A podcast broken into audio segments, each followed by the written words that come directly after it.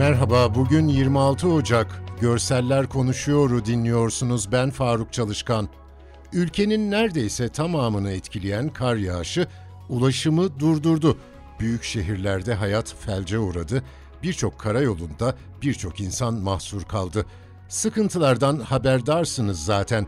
Betimlemek için bu iklimin kıyıda köşede kalmış taraflarına baktım ben de. Muş'ta bir haftalık kar yağışı sebebiyle tek katlı evler kara gömülmüş. Kar kalınlığının bir metreye ulaştığı merkeze bağlı Kale mahallesinde tek katlı evlerin fotoğraflarını çekmiş İbrahim Yaldız. Gerçekten de çatısına kadar gömülmüş evler. Peki içindekiler ne yapıyor? Mahalle sakinlerinden Şemsettin Özcan, evimiz kara gömüldü. Sabahtan akşama kadar evin etrafındaki karları temizlemeye çalışıyoruz dedi. Yüksek kar örtüsünün çökme tehlikesi yarattığını aktaran bir başka mahalle sakini de kış boyunca bu zorluğu yaşadıklarını anlattı. Fotoğrafa bakınca o evden nasıl çıkıp da etrafını temizlediklerini insan merak ediyor.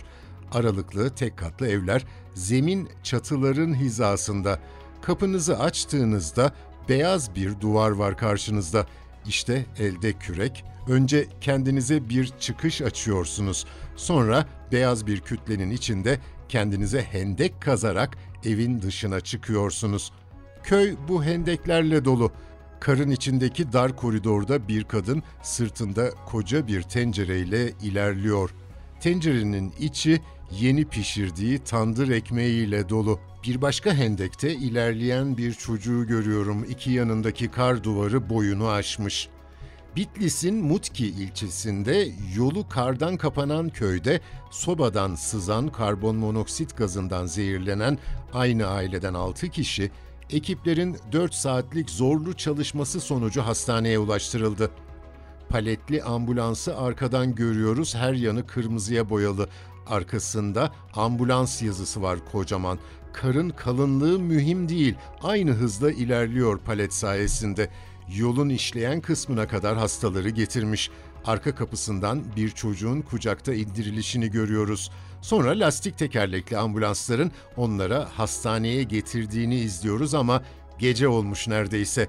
Yaşam zor, iklim zorlaştırıyor ama işte kamu hizmeti de böyle bir şey. Ne ulaşabiliyorsa o vasıtayla ulaşıp hastayı getirmek. Yaşamı iyileştirmenin bir yolu da doğamızı kirletmemek, olan kiri temizlemek. Konya'daki Beyşehir Gölü'nde çok özel bir çalışma yapılmış. Gölün dibini temizlemek için başlayan çalışma, hayalet ağların temizlenmesini de sağlamış. Sahilde öbek öbek balık ağlarını görüyoruz. Balıkçılık, denizleri ve tatlı su kaynaklarını en fazla kirleten faaliyetlerden.